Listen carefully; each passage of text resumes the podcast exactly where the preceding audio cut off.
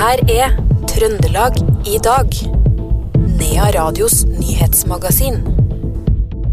Industripartiets leder Ove Ingemann Waltersjø sier at han gjerne vil ha med Trond Giske på laget. Og leteaksjonen fortsetter etter en savna 50-åring i Åren. Nå utvider politiet søksområdet. Mer om de her sakene får du i Trøndelag i dag, onsdag 9. november.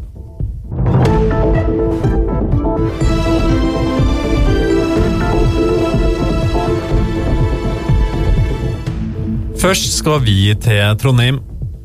Fordi Industripartiet er et av de nye partiene i Norge som ser ut til å kunne bli representert i flere kommunestyrer og fylkesting etter neste års valg. Det siste året har partiet kommet opp i over 7500 medlemmer på landsbasis. Industripartiets leder Ove Ingemann Waltersø var i går i Trondheim som en del av arbeidet med å utvide partiets oppslutning frem mot valget neste år. Waltersø sier at han gjerne vil ha med Trond Giske på laget. Jeg kan love deg det at jeg har prøvd meg.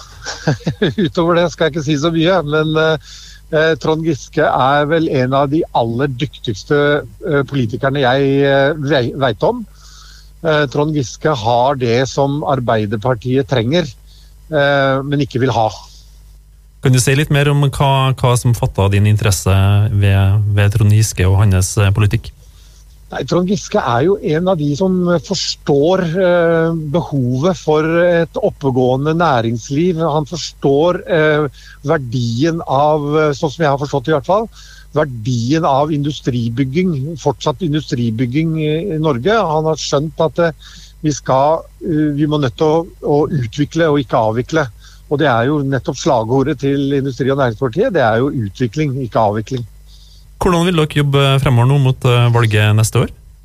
Vi skal bygge som sagt stein på stein. Nå har vi jeg har ikke 100 eh, oversikten, men jeg tror vi nærmer oss 80 lokallag rundt omkring. Vi blir representert i hvert eneste fylke eh, under valget.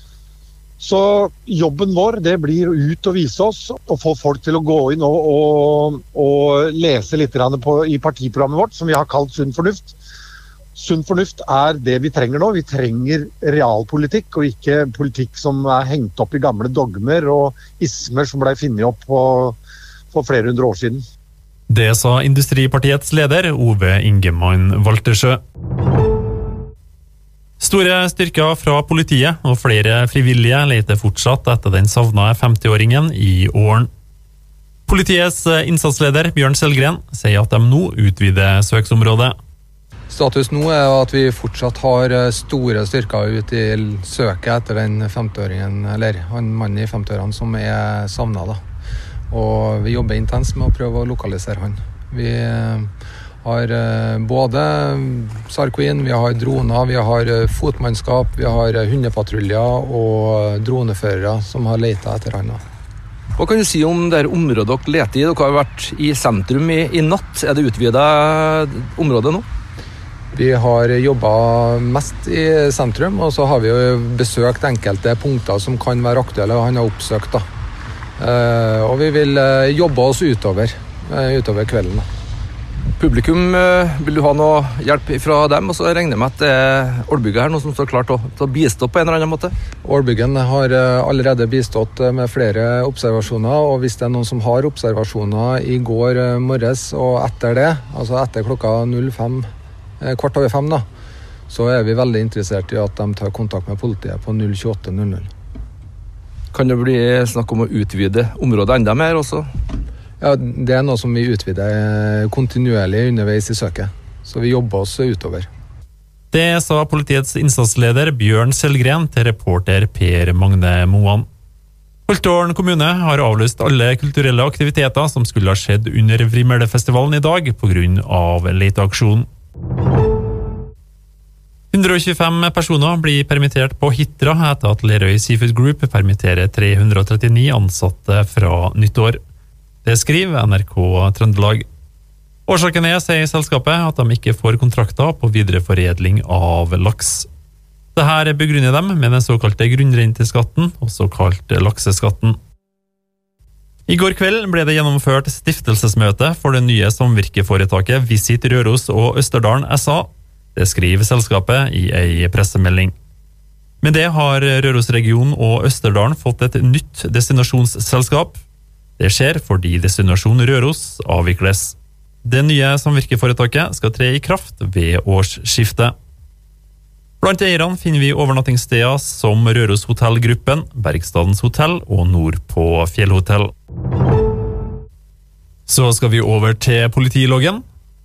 En mann i 30-årene er pågrepet etter et innbrudd i en bolig i sentrum av Selbu. Det opplyser politiet. Tjuven ble tatt på fersken av en mann som bodde i huset, og som holdt på vedkommende til politiet kom.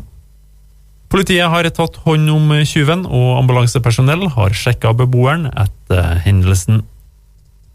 En 17 år gammel gutt kjørte St. Olavs hospital med alvorlige skader etter at scooteren han kjørte, kolliderte med en bil i et kryss på Halset i Trondheim. Det skriver NRK Trøndelag. Så skal vi over til andre nyheter. Trønderavisas tidligere sjefredaktør og administrerende direktør Jon Arne Moen har fått seg ny direktørjobb i selskapet Åkerblad. Det skriver de i ei pressemelding. Moen er ansatt i Åkerblå som direktør for kommunikasjon, marked og samfunn. Moen sier at han gleder seg stort til å begynne å jobbe for et selskap som hver dag arbeider for å gjøre havhelse og utbygging av fornybar energi mest mulig bærekraftig. Danske Bank øker renta på boliglån og innskudd med 0,25 prosentpoeng. Banken med hovedkontor i Trondheim sier at dette blir den sjette rentehevinga så langt i år. Banken skriver at flere av kundene nå merker at de har en strammere økonomi. Så skal vi over til kultur.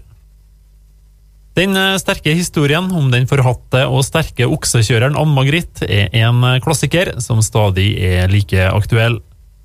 Johan Falkberge sin skildring av ei sterk kvinneskikkelse som trosser rykter og offentlig gapestokk og går egne veier. Akkurat nå kan forestillinga oppleves i Bruket kulturhus i Hummelvika, og Proletarteatret høster strålende kritikker for sin versjon. Med Mildres Marita Ramberg Røthe som Ann-Margrit. Janne Jørstad og Merete Halland var publikum på gårsdagens forestilling, og kan trygt anbefale den videre. Eh, mektig. Veldig gode sangprestasjoner. Um, ja. Fascinert og overraska, egentlig. Hva er det som gjør det så mektig? Det er vel en sånn kombinasjon av historien, men òg um, hvor dyktige de er, da. Og hvor samspilt de er. Så ja, nei, kombinasjon, tror jeg vi må si. Er ikke du enig med dette? Jo, absolutt. De får til så mye ut av så lite.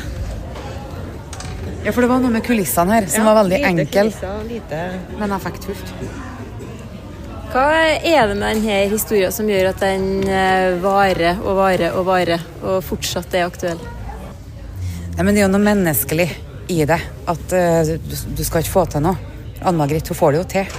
Så det er nok noe sånn mellommenneskelig, eller ja Som gjør at vi i hvert fall bergtas av fortellinga, tenker jeg. Hva gjorde størst inntrykk på deg?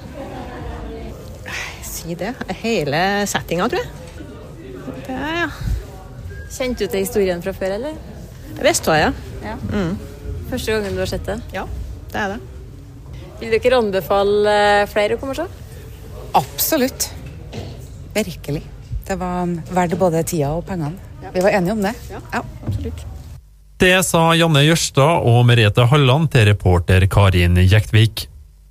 Forestillinga hadde premiere den 5. november og går frem til 17. november i Bruket kulturhus i Humlevika. Så skal vi over til sport.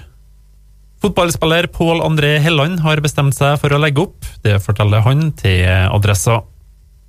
Helland spiller i dag for Lillestrøm, men har flere sesonger i Rosenborg. Fotballspilleren fra Kyrksæterøra har bl.a. vunnet gull i både serie og cup med trønderklubben. Trøndelag i dag, onsdag 9. november, fikk du fra Iver Valldal Lillegjerdet.